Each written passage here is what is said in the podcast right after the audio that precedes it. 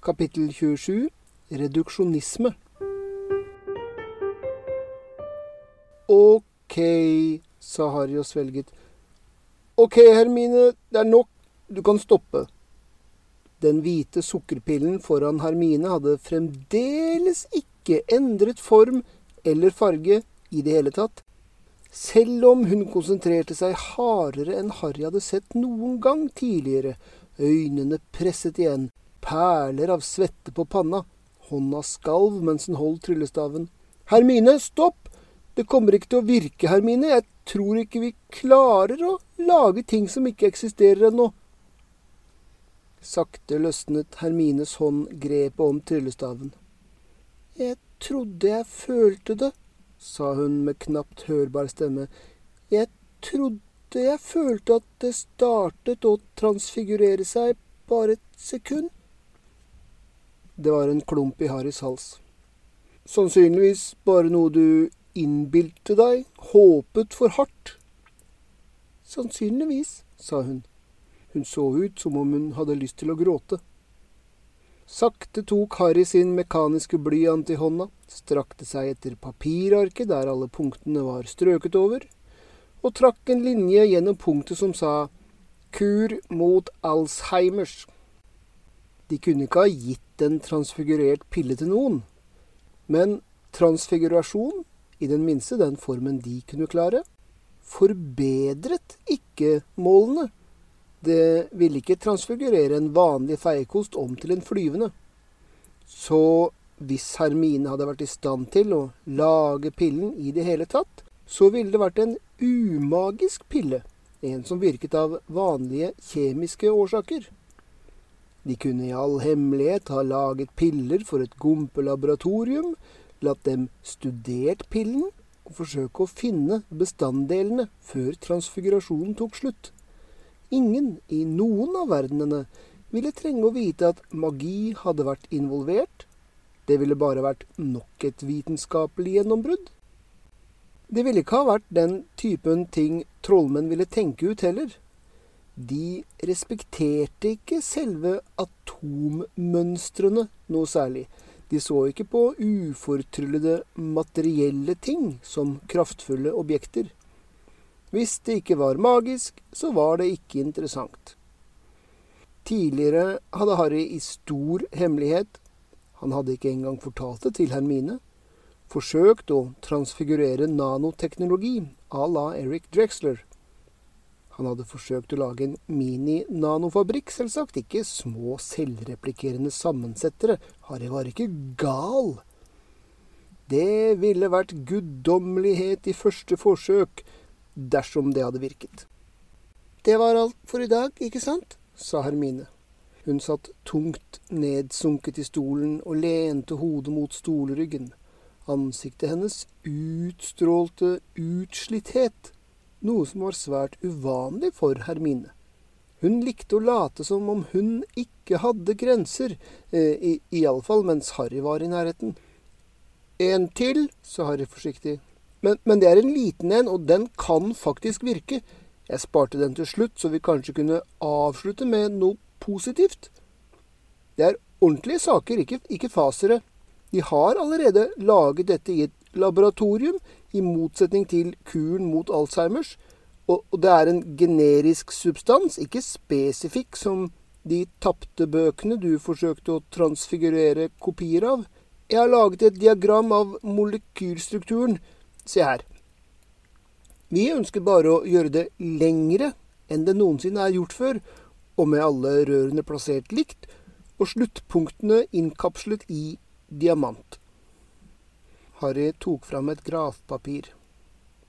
Hermine satte seg opp igjen, tok det og studerte det med rynket panne. Dette er karbonatomer, alt sammen? Og Harry, eh, eh, hva heter det? Jeg kan ikke transfigurere det hvis jeg ikke vet hva det heter. Et uttrykk av avsky syntes på Harrys ansikt. Han hadde fremdeles tungt for å venne seg til denne typen ting. Det burde ikke spille noen rolle hva noe het, så lenge du visste hva det var. De kalles karbonnanorør, eller bucket tubes. Det er en type grafitt som ble oppdaget i år, faktisk. Omtrent hundre ganger sterkere enn stål og en sjettedel av vekten. Hermine tittet opp fra grafpapiret med et overrasket uttrykk. Hva? Er det virkelig? Japp, sa Harry. Bare litt vanskelig å lage, på gompemåten. Hvis vi kunne få tak i nok av dette stoffet, kunne vi bruke det til å lage en romheis helt opp til geostasjonær bane, eller høyere. Og hvis man tenker delta V, så er det halvveis til hvor som helst i solsystemet. Pluss vi kunne kastet ut solkraftsatellitter som konfetti. Hermine rynket panna igjen. Er disse greiene trygt? Jeg skjønner ikke hvorfor det ikke skulle være det, sa Harry. En buckytube er bare et grafittark bøyd til et sirkulært rør når alt kommer til alt, og, og grafitt er det samme stoffet som brukes i blyanter. Jeg vet hva grafitt er, Harry, sa Hermine. Hun brukte en hånd til å trekke håret bakover, fraværende, med rynkede bryn mens hun stirret på papirarket. Harry grep ned i en lomme i kappene sine og fant fram en hvit tråd bundet til to små grå plastikringer i hver ende. Han hadde lagt til en dråpe superlim der tråd møtte ring, for å gjøre alt om til ett enkelt objekt som kunne transfigureres som helhet. Cyanoakrylat, hvis Harry husket riktig, virket ved hjelp av kovalente bindinger. Og det var så nærme det å være solid objekt som du kunne komme i en verden som i bunn og grunn var satt sammen av bitte små individuelle atomer. Når du er klar, sa Harry, forsøk å transfigurere dette om til et sett strukturerte bucketube-fibre festet i to diamantringer. Ålreit, sa Hermine sakte. Harry, det føles ut som om det er noe jeg har glemt. Harry trakk hjelpeløst på skuldrene. Kanskje du bare er sliten. Skjønt han visste bedre enn å si det der høyt. Hermine la tryllestaven mot en plastikkring og stirret på den en stund. To små sirkler av glitrende diamant lå på bordet, forbundet av en lang, svart tråd. Det virket, sa Hermine. Det hørtes ut som om hun forsøkte å være entusiastisk, men hadde sluppet opp for energi. Hva nå? Harry følte seg lett nedtrykket av sin forskerpartners manglende person, men forsøkte så godt han kunne å ikke vise det. Kanskje den samme prosessen ville virke motsatt for å muntre henne opp? Nå tester jeg den for å se om den holder vekt. Harry hadde tidligere rigget opp en A-ramme for å gjøre forsøk med diamantstaver. Du kunne enkelt lage gjenstander av diamant ved å bruke transfigurasjon, de ville bare ikke vare.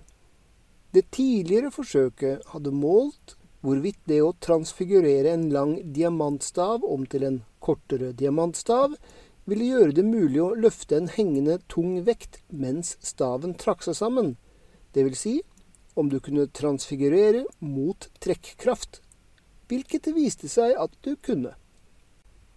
Harry hektet forsiktig en sirkel av glitrende diamant på den tykke metallkroken på toppen av ramma.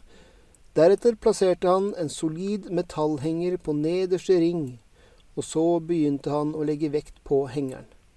Harry hadde bedt Wiltersen-tvillingene om å transfigurere apparatet for ham, og Wiltersen-tvillingene hadde gitt ham uforstående blikk, som om de ikke klarte å forestille seg hva slags pek han i det hele tatt kunne bruke en sånn gjenstand til.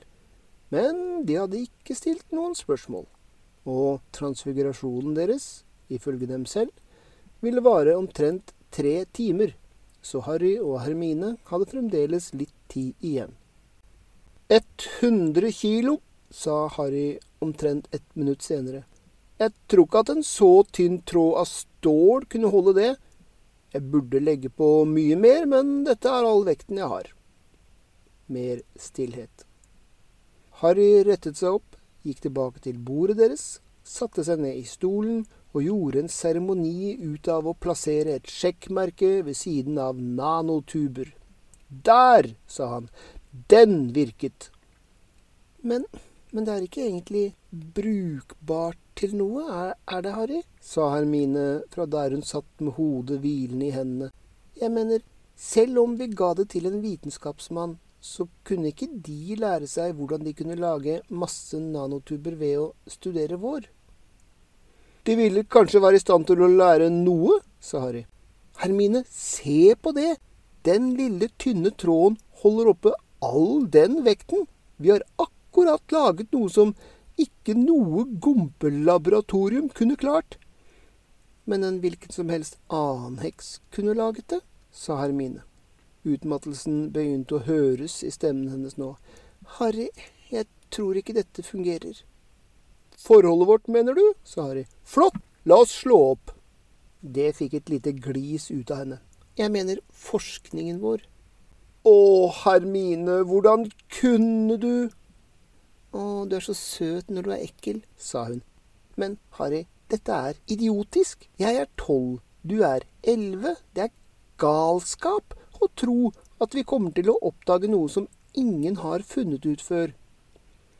Sier du virkelig at vi skulle gi opp og finne ut av magiens hemmeligheter etter å ha forsøkt mindre enn én måned? sa Harry og forsøkte å plassere en utfordring i stemmen.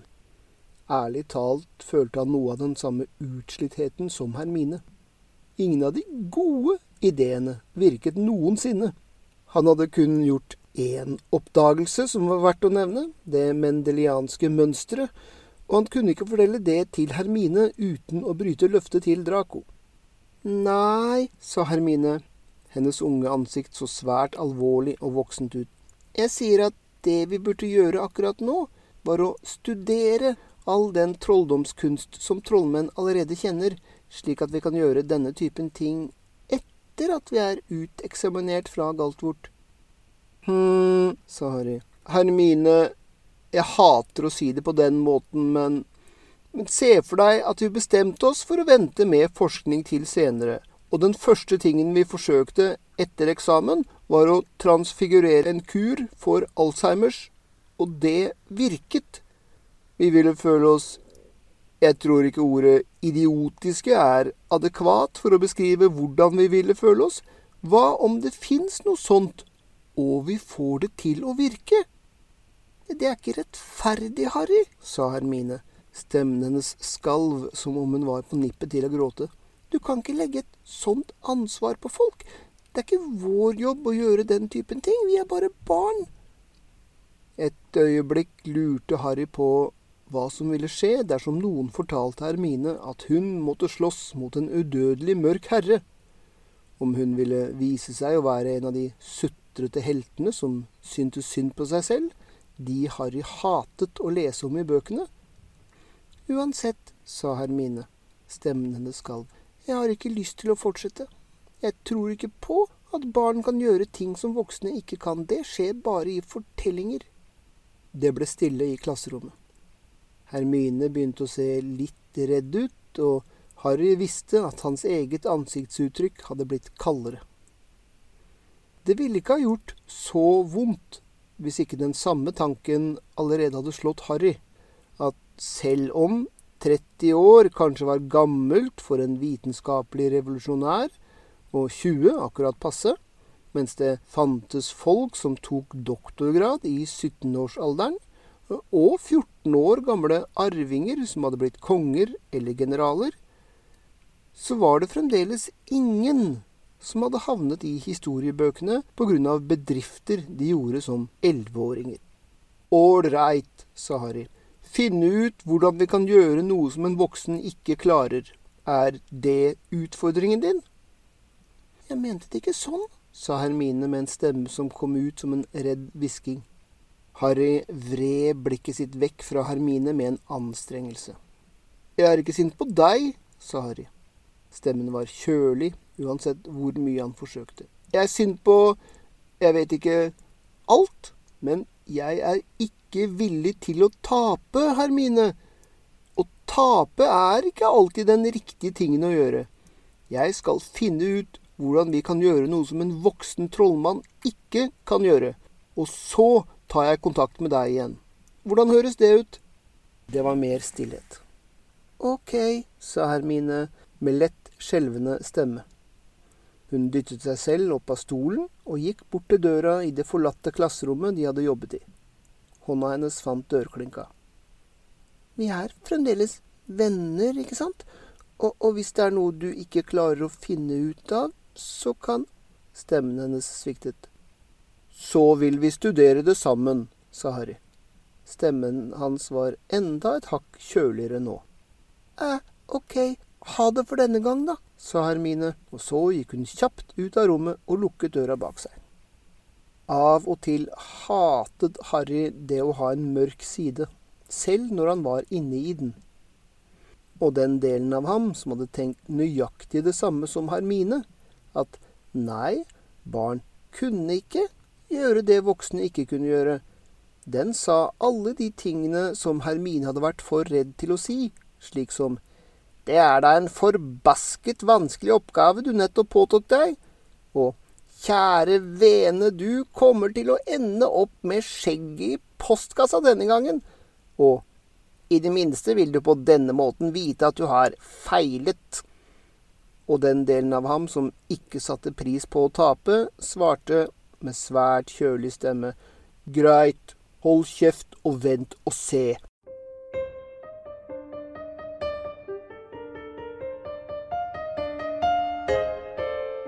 Det var nesten lunsjtid, og Harry brydde seg ikke. Han hadde ikke engang brydd seg med å hente fram en energibar fra pungen sin. Magen hans kunne tåle litt sult. Trollmannsverdenen var bitte liten. De tenkte ikke som vitenskapsmenn. De kjente ikke til vitenskap. De stilte ikke spørsmål ved de tingene de hadde vokst opp med. De hadde ikke plassert beskyttende skall rundt tidsmaskinene sine. De spilte rumpeldunk. Hele det magiske Storbritannia var mindre enn en liten gompeby. Den største og beste trollmannsskolen ga kun utdannelse opp til 17-årsalderen. Idiotisk var ikke å utfordre dette i elleveårsalderen.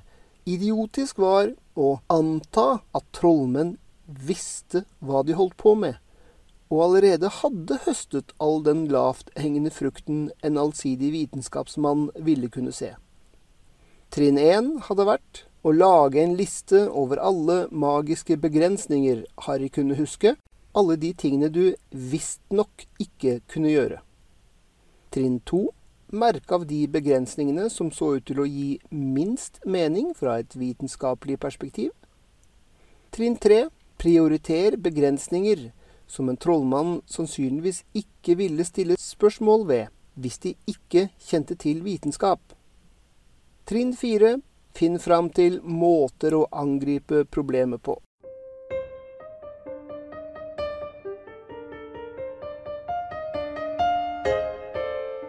Hermine følte seg fremdeles litt skjelven da hun satte seg ned ved siden av Amanda ved ravnklobordet.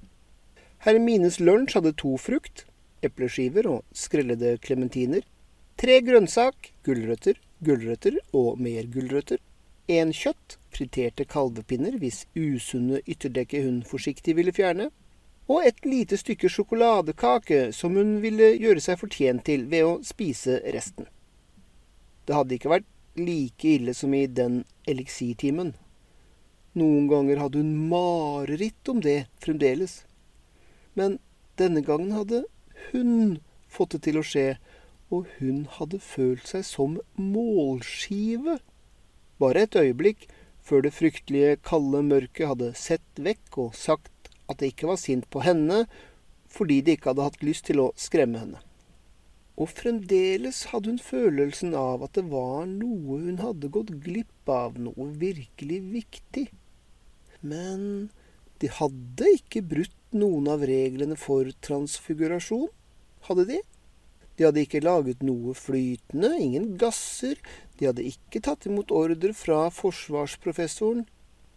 Pillen, det var noe som kunne spises. Vel, nei, Ingen ville spise en pille de bare fant liggende et sted. Det hadde ikke faktisk virket. De kunne bare ha finite incantate med den hvis det hadde det, men hun ville fremdeles måtte fortelle Harry om det, og forsikre seg om at de ikke nevnte det mens professor McSnurp kunne høre det, i tilfelle de aldri ville få lov til å studere transfigurasjon igjen. Hermine begynte å føle seg helt dårlig i magen. Hun dyttet tallerkenen lenger inn på bordet. Ikke snakk om at hun klarte å spise lunsj nå. Og hun lukket øynene og begynte mentalt å gjenta reglene for transfigurasjon. Jeg vil aldri transfigurere noe om til noe flytende eller i gassform. Jeg vil aldri transfigurere noe som ser ut som mat, eller noe annet som skal inn i en menneskekropp. Nei, de burde virkelig ikke ha forsøkt å transfigurere den pillen, eller de burde i hvert fall ha innsett. Hun hadde vært så blendet av Harrys geniale idé at hun ikke hadde tenkt at det kunne den dårlige magefølelsen ble verre.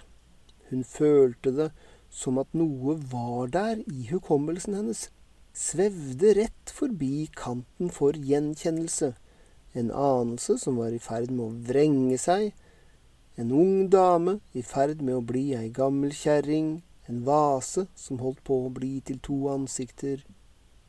Og hun fortsatte med en mental gjennomgang av transfigurasjonens regler.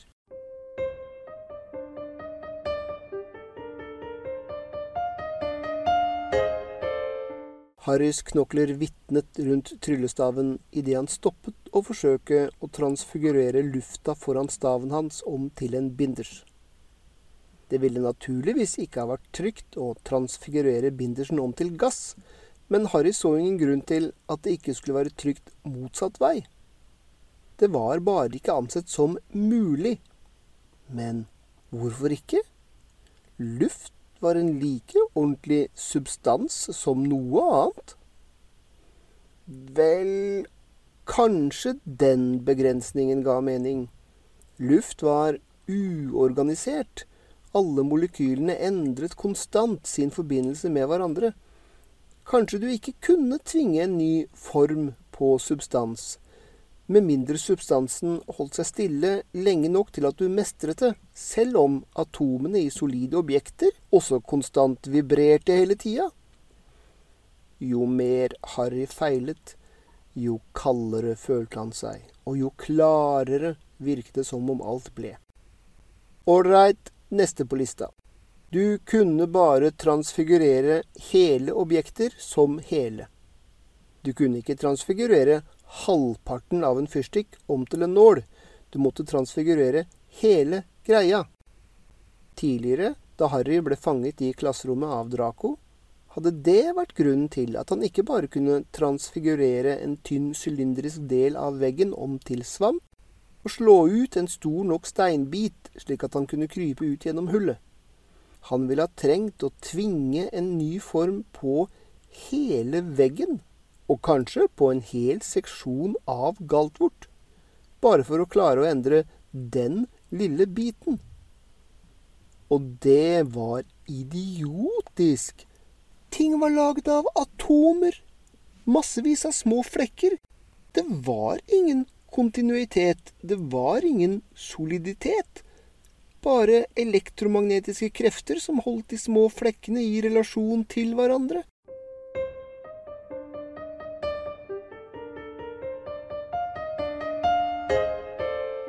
Amanda Brunkeberg pauset med gaffelen halvveis til munnen. Hæ? sa hun til Su Li, som satt tvers ovenfor den nå tomme plassen ved siden av henne. Hva gikk det av Hermine?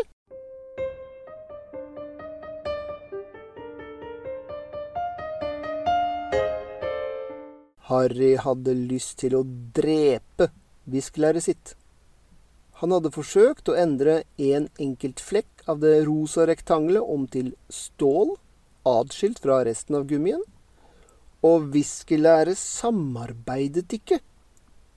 Det måtte være en konseptuell begrensning, ikke en virkelig måtte være. Ting var laget av atomer, og hvert atom var en bitte liten separat ting. Atomer ble holdt sammen av kvantumtåker av delte elektroner med kovalente bånd, eller av og til bare magnetisme på korthold med ioniske bånd eller van der Waals-krefter. Hvis det var det det var snakk om Protonene og nøytronene inni kjernen var små, separate ting.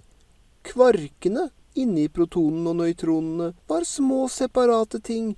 Det var rett og slett ikke noe i verden der ute som korresponderte med menneskets oppfattelse av solide objekter. Alt var små flekker. Og fri transfigurasjon var utelukkende noe i hodet ditt helt fra starten av, var det ikke? Ingen ord, ingen gester, bare det rene konseptet av form, holdt nøye separat fra substans, presset på substansen, oppfattet som uavhengig av formen. Det og tryllestaven og hva det nå enn var som gjorde deg til en trollmann. Trollmenn kunne ikke transformere deler av ting, kunne bare transformere det deres hoder så som helheter, fordi de ikke visste inn til ryggmargen at alt sammen bare var atomer fra topp til bubb. Harry hadde fokusert på den kjensgjerningen så hardt han kunne, det sanne faktum at et viskelær bare var en samling atomer. Alt var bare en samling av atomer. Og atomene på den lille flekken han forsøkte å transfigurere, utgjorde en like valid samling som en hvilken som helst annen samling han brydde seg om å tenke på. Og allikevel hadde Harry fremdeles ikke klart å endre den lille biten av viskelæret transfigurasjonen ville ikke finne sted. Dette var tåpelig. Harrys knokler vitnet rundt tryllestaven igjen. Han var sykt lei av å få eksperimentelle resultater som ikke ga mening. Kanskje det faktum at en eller annen del av sinnet hans fremdeles tenkte på objekter, hindret transfigurasjonen i å skje. Han hadde tenkt på en samling av atomer som var et viskelær. Han hadde tenkt på en samling som var en liten bit. På tide å øke innsatsen litt. Harry presset tryllestaven hardere mot den lille biten av viskelær og forsøkte å se gjennom illusjonen som ikke-vitenskapsmenn trodde var virkelighet verdenen av pulter og stoler, luft og viskelær og mennesker. Når du gikk gjennom en park, så var den veldige verdenen som omga deg, noe som eksisterte inne i hjernen din, som et mønster av nevroner som ga impulser.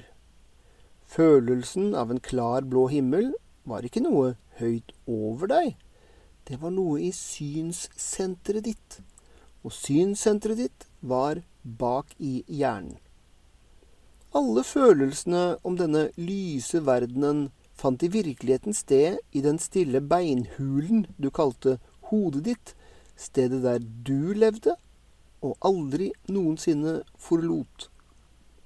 Hvis du virkelig ønsket å si hei til noen, til den faktiske personen, så ville du ikke ta vedkommende i hånda. Du burde banke høflig på skallen deres og si hvordan har du det der inne?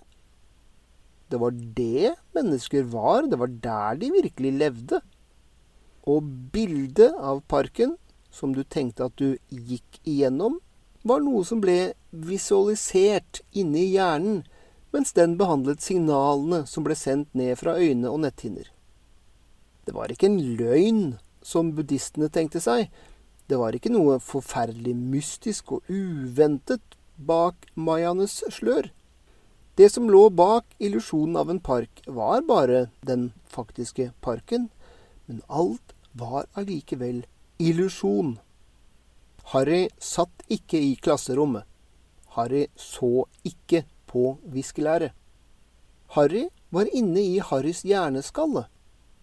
Han opplevde et behandlet bilde som hjernen hans hadde dekodet fra signalene som ble sendt inn av netthinna hans.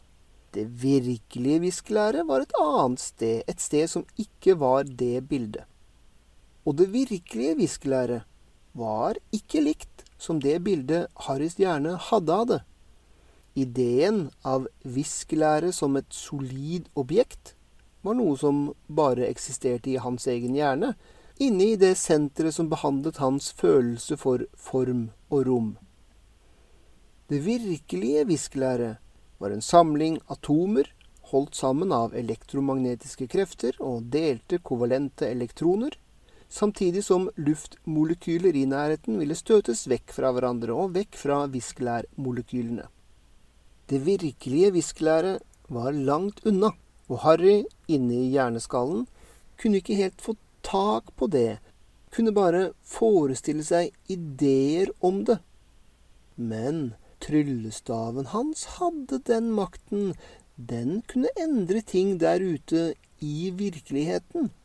Det var bare Harrys egne forestillinger som begrenset det. Et sted bak mayaenes slør berørte sannheten bak Harrys forestilte min tryllestav. Samlingen av atomer som Harrys sinn tenkte på som en flekk av viskelære.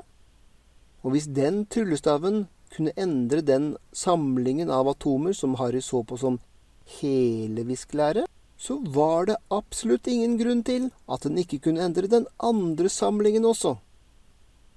Transfigurasjonen virket fremdeles ikke. Harry gned tenner og økte innsatsen ytterligere. Konseptet Harrys sinn hadde av visklære som et enkeltobjekt, var åpenbart nonsens. Det var et kart som ikke stemte, og ikke kunne stemme overens med terrenget.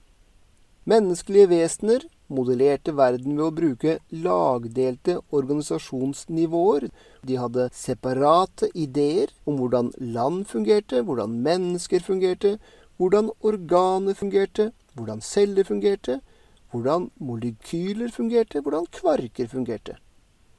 Når Harrys hjerne trengte å tenke på viskelære, vil den tenke på reglene som gjaldt for viskelær, slik som viskelær kan fjerne blyantmerker. Bare hvis Harrys hjerne trengte å forutse hva som ville skje på et lavere kjemisk nivå, bare da ville Harrys hjerne starte å tenke som om det var et separat faktum, på gummimolekyler. Men det var bare noe i hodet hans. Harrys hode kunne muligens tro på separate ting, om hvilke regler som gjaldt for viskelær, men det var ingen separat fysisk lov som styrte viskelær. Harrys sinn modellerte virkeligheten ved å bruke flere nivåer av organisering, med forskjellige trossetninger knyttet til hvert nivå. Men alt det var bare i kartet. Det virkelige terrenget var ikke slik, Virkeligheten selv hadde bare ett eneste nivå av organisering. Kvarkene. Det var en enhetlig, lavnivåprosess som adlød matematisk enkle regler. Eller iallfall var det det Harry hadde trodd før han hadde funnet ut at magi eksisterte. Men visklære var ikke magisk.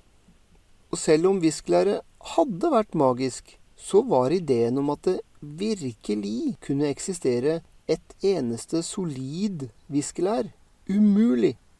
Ting som viskelær kunne ikke være grunnleggende elementer ved virkeligheten. De var for store og kompliserte til å være atomer. De måtte være laget av smådeler. Du kunne ikke ha ting som var fundamentalt kompliserte. Den implisitte troen som Harrys hjerne hadde på at visklære var et enkelt objekt, var ikke bare gal, det var en kart-terrengforvirring. Visklære eksisterte bare som et separat konsept i Harrys flernivås modell av virkeligheten, ikke som et separat element i et ettnivås virkelighet. Transfigurasjonen ville fremdeles ikke skje. Harry pustet tungt. En feilet transfigurasjon var nesten like slitsomt som en vellykket en. Men ikke snakk om at han skulle gi opp nå. Ålreit, dropp alt dette 19. århundre-søppelet. Virkeligheten var ikke atomer. Det var ikke et sett med små biljardballer som spratt rundt. Det var bare nok en løgn. Forestillingen om atomer som små flekker var bare nok en liten, passende hallusinasjon som folk klynget seg til fordi de ikke ønsket å møte den umenneskelige, fremmede formen av den underliggende realiteten. Og da var det jo ikke det minste rart at hans forsøk på å transfigurere, basert på det, ikke hadde virket. Hvis han ønsket makt, måtte han gi slipp på sin menneskelighet og tvinge tankene sine til å tilpasse seg til den sanne matematikken i kvantemekanisme. Det var ingen partikler. Det var bare skyer av amplituder i et konfigurasjonsrom for multipartikler. Og det hans hjerne vennlig innbilte seg å være et viskelær, var ikke noe annet enn en enorm faktor i en bølgefunksjon som tilfeldigvis faktoriserte seg.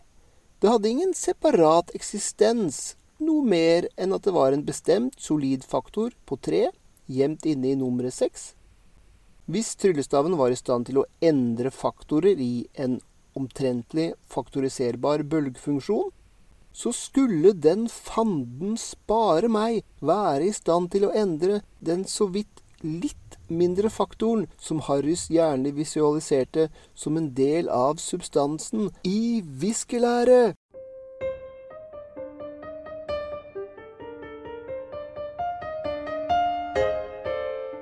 Hermine raste gjennom gangene, skoene dunket hardt mot steinen, pusten kom i gisp, sjokket av adrenalin raste fremdeles gjennom blodet hennes som bildet av en ung kvinne som forandret seg til en gammel kjerring, som vasen som ble to ansikter. Hva var det de holdt på med? Hva var det de holdt på med? Hun kom til klasserommet, og fingrene hennes gled over dørhåndtaket i starten. For svett, hun grep hardere tak, og døra åpnet seg. I et eneste glimt av oppfattelse så hun Harry stirre på et lite rosa rektangel på bordet foran seg, mens et kort stykke unna var den tynne, svarte tråden nesten usynlig fra denne distansen, der den støttet all den vekten. Harry, kom deg ut av klasserommet! Rent sjokk kom til syne i Harrys ansikt, og han rettet seg opp så kjapt at han nesten falt. Stoppet bare for å gripe det lille rosa rektangelet fra bordet, og så spurtet han ut døra. Hun hadde allerede trådt til side. Tryllestaven hennes var allerede i hånda mens hun førte den opp til å peke på tråden. Finite incantatem! og Hermine slamret igjen døra, samtidig som den bastante lyden av hundre kilogram fallende metall hørtes fra innsiden. Hun peste, gispet etter luft. Hun hadde løpt hele veien hit uten å stoppe. Hun var gjennomvåt av svette, og beina og hoftene brant som levende flammer. Hun kunne ikke ha besvart Harrys spørsmål for alle gallioner i verden. Hermine blunket og innså at hun holdt på å falle om kull, og Harry hadde fanget henne og senket henne sakte ned til en sittestilling på gulvet. Frisk, klarte hun å hviske. Hva? sa Harry, og så blekere ut enn hun noensinne hadde sett ham. Føler du deg frisk? Harry så enda litt reddere ut da han skjønte spørsmålet.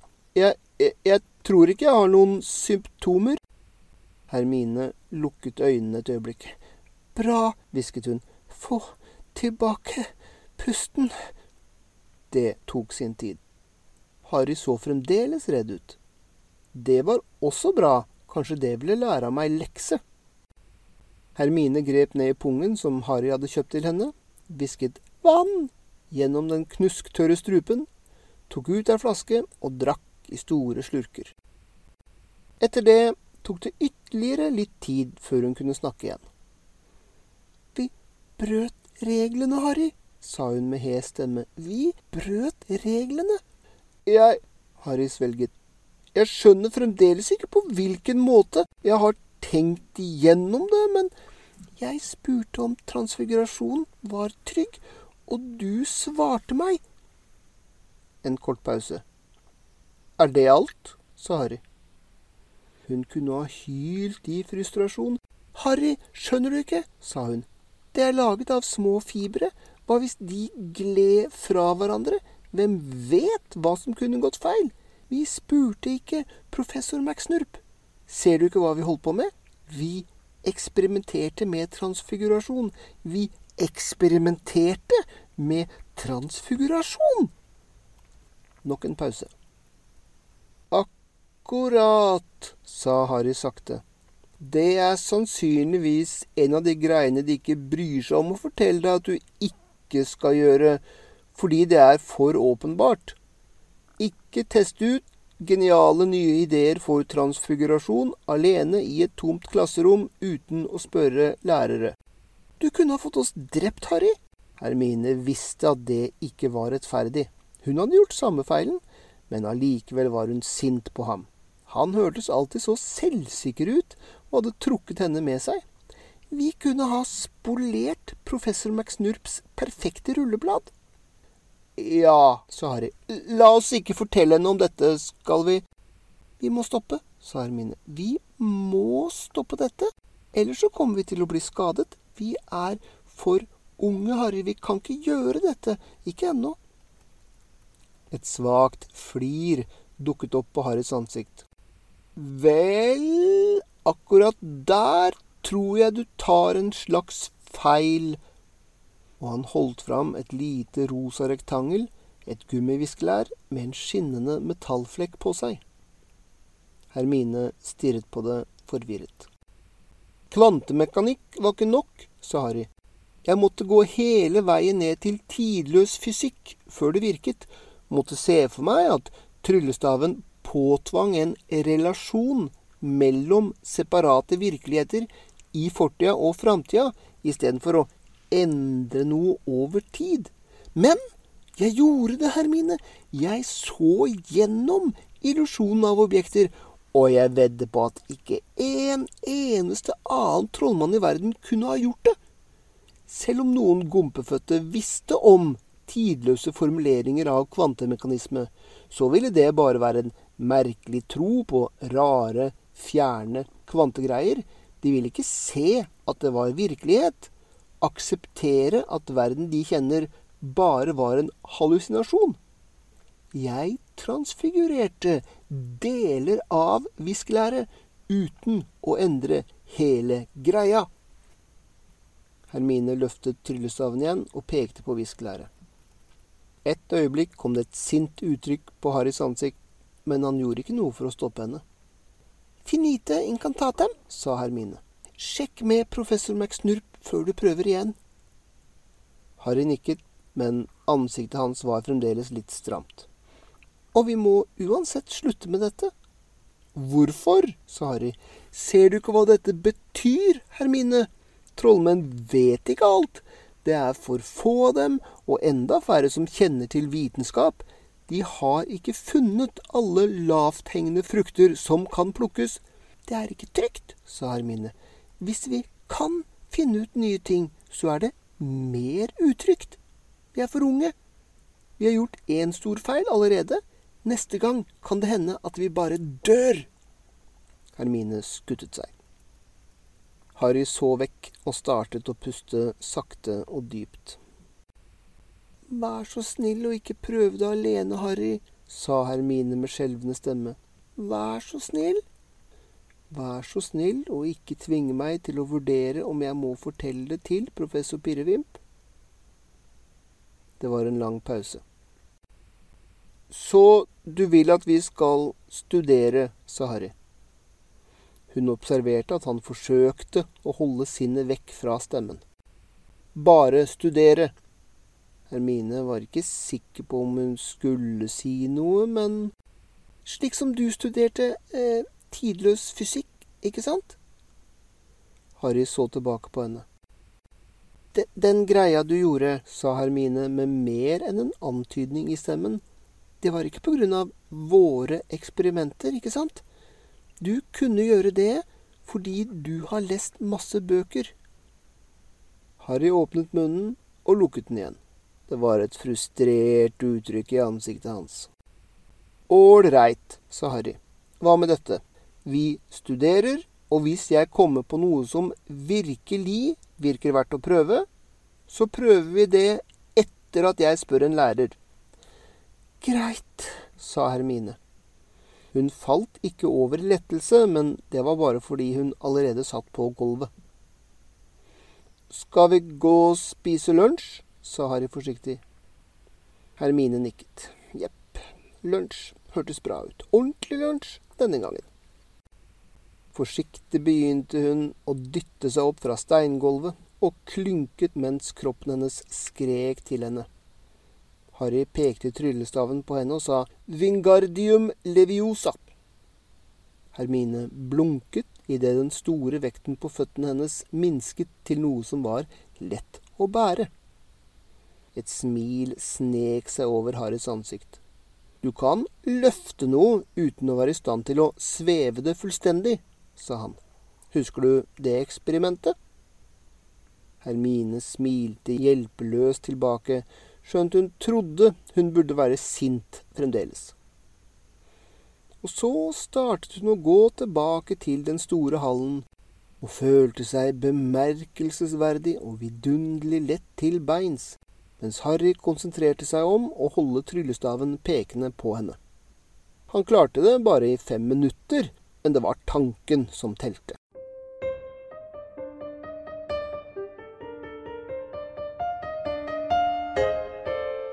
Minerva tittet på Humlesnurr. Humlesnurr skottet utforskende tilbake på henne. Forsto du noe av det? sa rektor, og hørtes ut som om han moret seg. Det hadde vært det mest komplette og totale pølsevev som Minerva noensinne kunne huske å ha hørt.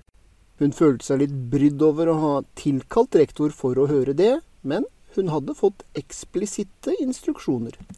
Nei, beklager, sa professor McSnurp bestemt. Så, sa Humlesnurr. Sølvskjegget svingte vekk fra henne idet den gamle trollmannens blinkende blikk nok en gang så en annen vei. Du mistenker at du kanskje er i stand til å gjøre noe som andre trollmenn ikke kan, noe vi tror er umulig. De tre sto inne i rektors private transfigurasjonsarbeidsrom, der den skinnende føniksen, som var Humlesnurrs skytsverge, hadde bedt henne om å ta med Harry, få øyeblikk etter at hennes egen skytsverge hadde nådd fram til ham. Lys skinte ned fra taket og lyste opp det store, syvtaggede, alkymiske diagrammet som var tegnet opp i sentrum av det runde rommet, og viste at det var litt støvete, hvilket gjorde Minerva litt trist. Transfigurasjonsforskning var en av Humlesnurrs store gleder, og hun hadde visst at han hadde svært lite tid i det siste, men ikke at han var så presset på tid. Og nå hadde Harry Potter tenkt å kaste bort enda mer av rektors tid. Men hun kunne sannelig ikke skylde på Harry for det.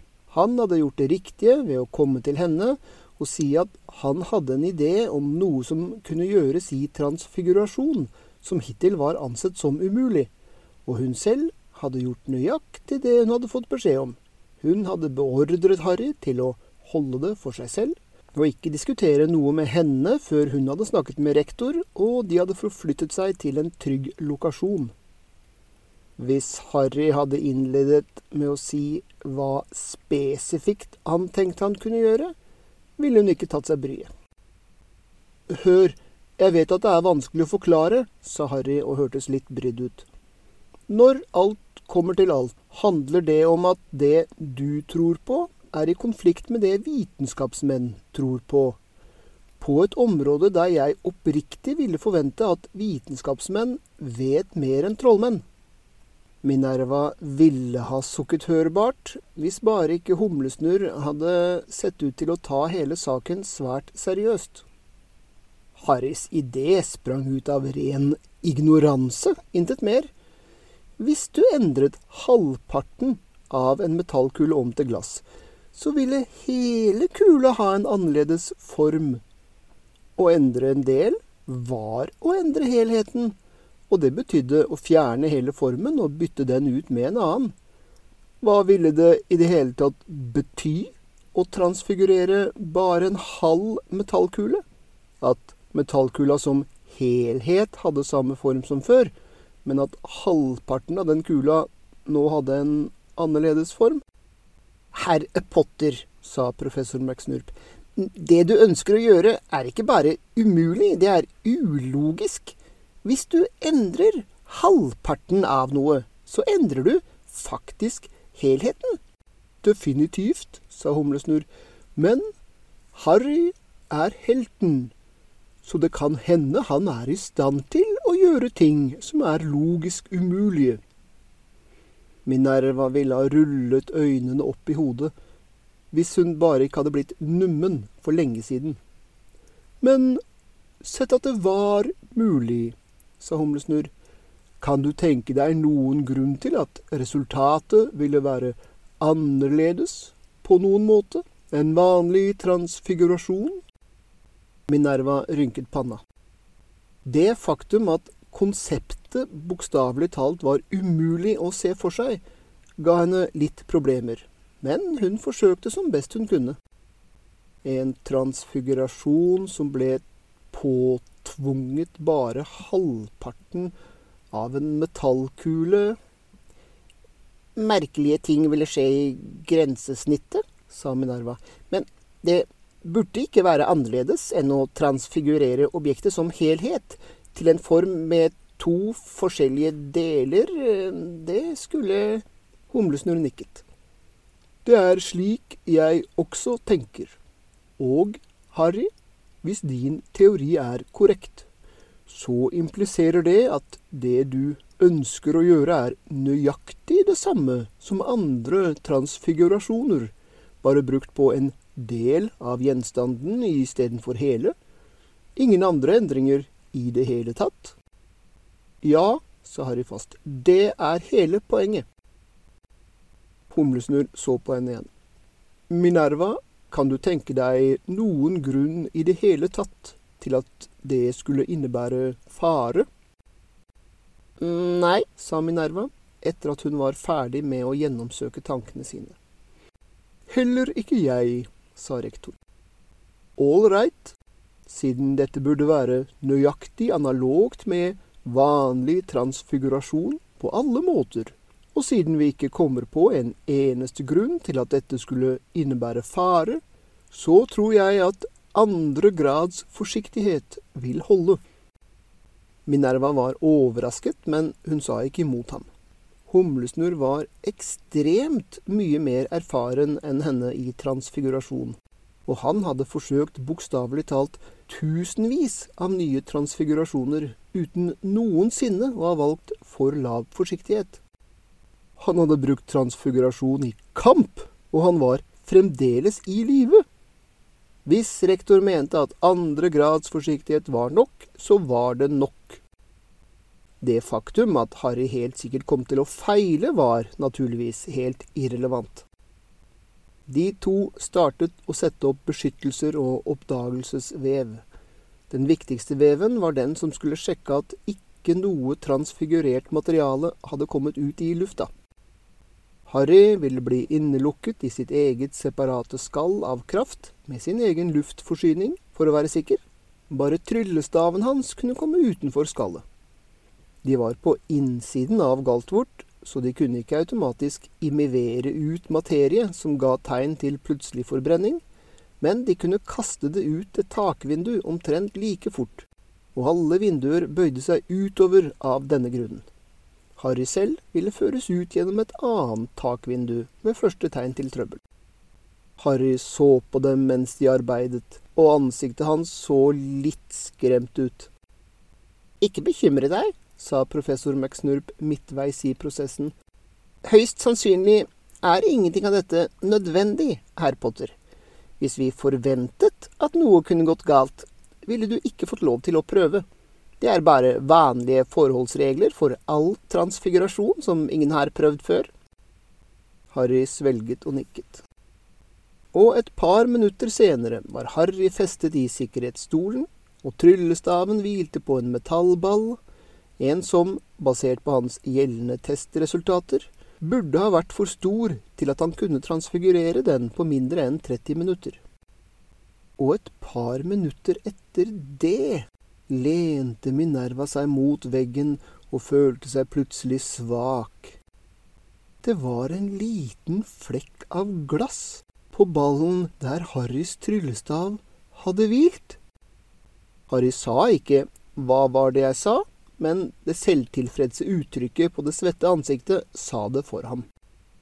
Humlesnurr kastet analytiske formler på ballen, og så mer og mer interessert ut for hvert øyeblikk. 30 år så ut til å ha forsvunnet fra ansiktet hans. Fascinerende, sa Humlesnurr. Det er nøyaktig slik han hevdet. Han rett og slett transfigurerte en del av subjektet uten å transfigurere hele.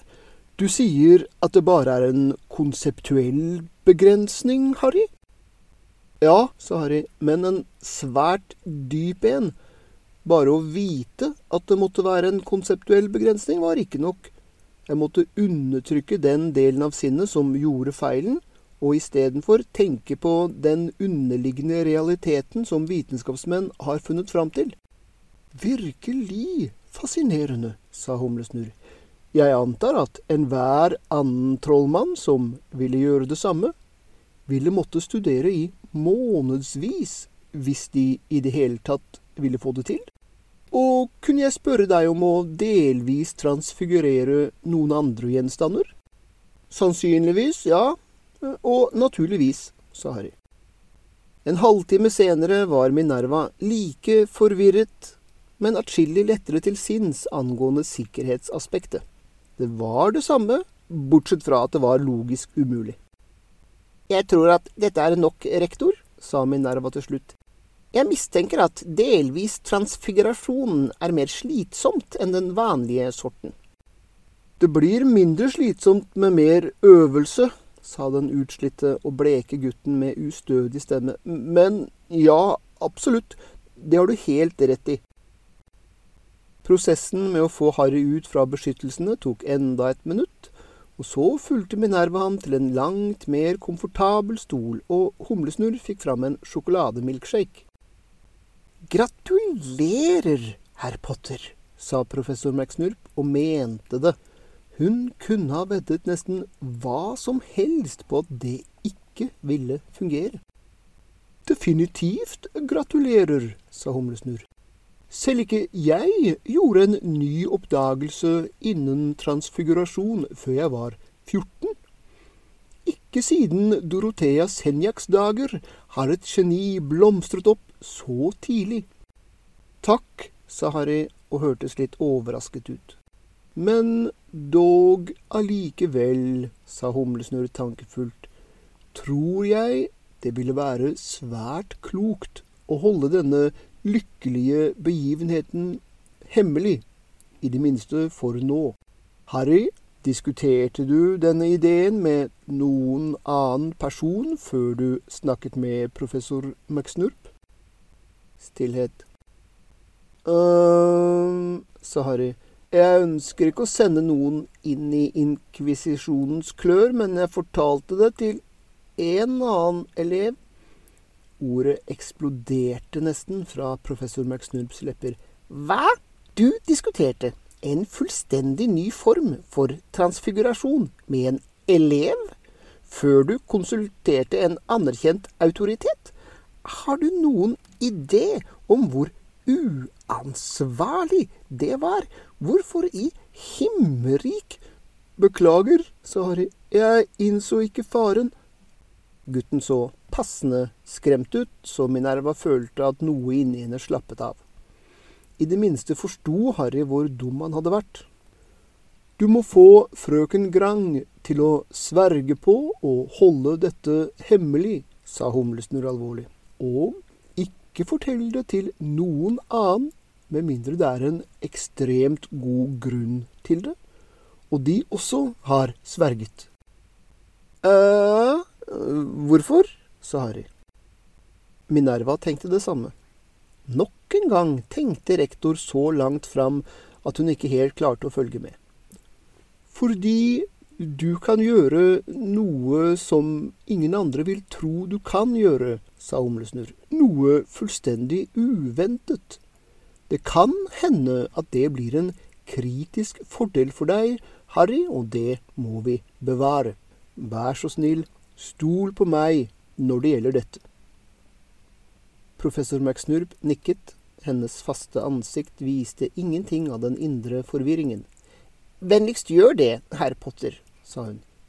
Ålreit, sa Harry sakte. Straks vi er ferdige med å undersøke materialene dine, la Humlestur til, så kan du fortsette å øve på delvis transfigurering, utelukkende med glass til stål og stål til glass, med frøken Grang ved din side. Og, naturligvis, hvis noen av dere mistenker noen form for transfigurasjonssykdom, informer en professor umiddelbart.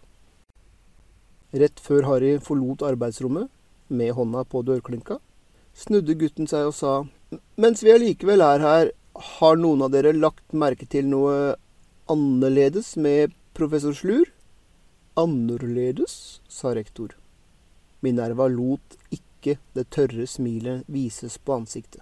Selvsagt var gutten opptatt av den onde eliksirmesteren, siden han ikke kunne vite hvorfor Slur var til å stole på. Det ville ha vært merkelig, for å si det mildt, å skulle forklare Harry at Severus fremdeles elsket moren hans. Jeg mener, har oppførselen hans endret seg på noen måte nylig? sa Harry. Ikke som jeg har lagt merke til, sa rektor sakte. Hvorfor spør du? Harry ristet på hodet. Jeg ønsker ikke å farge dine observasjoner ved å si det. Bare vær litt ekstra oppmerksom, kanskje. Dette sendte en liten urolig skjelving gjennom Minerva på en måte som ingen direkte anklage mot Severus kunne ha klart.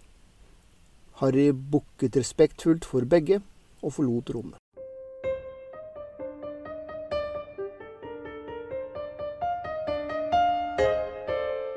Albus, sa Minerva etter at gutten hadde gått, hvordan visste du at du måtte ta Harrys idé på alvor? Jeg ville ha forkastet denne ideen som beint fram umulig. Den gamle trollmannens ansikt ble alvorlig. Av samme grunn som at det må holdes hemmelig, Minerva. Den samme grunnen til at jeg ba deg straks komme til meg hvis Harry skulle hevde noe slikt. Fordi det er en kraft som Voldemort ikke kjenner. Det tok noen sekunder før ordene sank inn. Og så gikk det kaldt nedover ryggen hennes, som det alltid gjorde når hun husket det. Det hadde startet som et helt vanlig jobbintervju, der Rakel Rommelfjoll søkte på stillingen som professor i klervoyanse. Han med makt til å knuse mørkets herre er på vei. Han skal fødes hos dem som tre ganger har vist mørkets herre tross, fødes når den sjuende måned dør. Mørkets herre skal merke ham som sin like, men han skal eie krefter som er mørkets herre, ukjente. Den ene må dø for den andres hånd, for så lenge begge lever, kan ingen av dem leve. Han med makt til å knuse mørkets herre skal fødes når den sjuende måned dør. De forferdelige ordene, utsagt i den uhyggelige, tordnende stemmen, virket ikke som om de passet inn med noe sånt som delvis transfigurasjon. Kanskje ikke som du sier, sa Humlesnurr etter at Minerva forsøkte å forklare. Jeg vedgår at jeg hadde håpet på noe som ville hjelpe i søket etter Voldemorts Malakrux, hvor han enn har gjemt den. Men den gamle trollmannen trakk på skuldrene. Profetier er kinkige greier, Minerva, og det er best å ikke ta noen sjanser. Den minste ting kan være avgjørende hvis den forblir uventet. Og hva antar du han mente med Severus? sa Minerva. Der har jeg ingen anelse, sukket Humlesnurr. Med mindre Harry har gjort et trekk i spillet mot Severus, og tenkte at et åpent spørsmål kanskje ble tatt på alvor der en direkte anklage ville bli avvist. Og hvis det virkelig var det som skjedde, så ville Harry korrekt gå ut fra at jeg ikke ville stole på at det forholdt seg slik. La oss bare holde et øye åpent, uten fordommer, slik han ba om.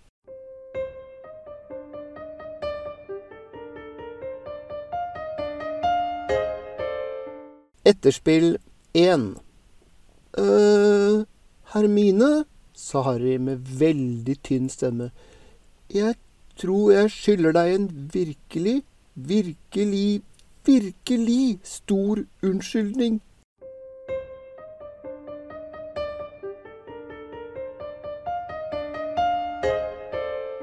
Etterspill 2 Alice Kornmo var blank i blikket mens hun stirret opp på eliksirlæreren som ga klassen en fast advarsel, der han holdt opp en liten bronsebønne og sa noe om skrikende pytter av menneskekjøtt. Helt siden starten av skoleåret hadde hun hatt problemer med å følge med i eliksirer.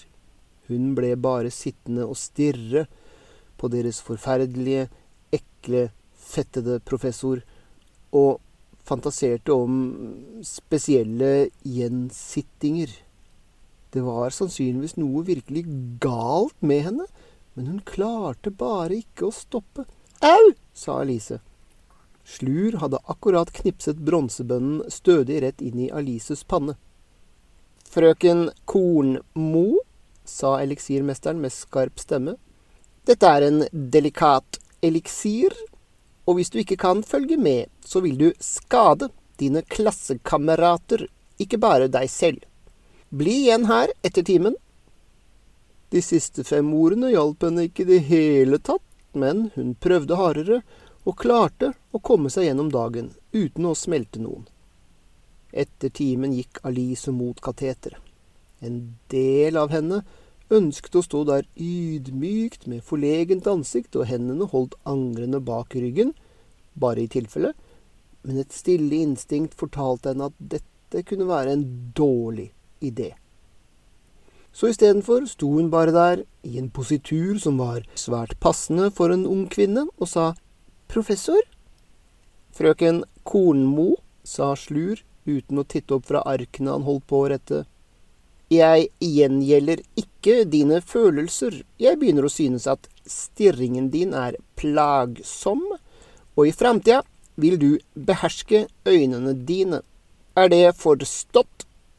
Ja, sa Elise i et kvalt kvekk, og Slur lot henne gå, og hun flyktet ut av klasserommet med kinnene flammende som flytende lava.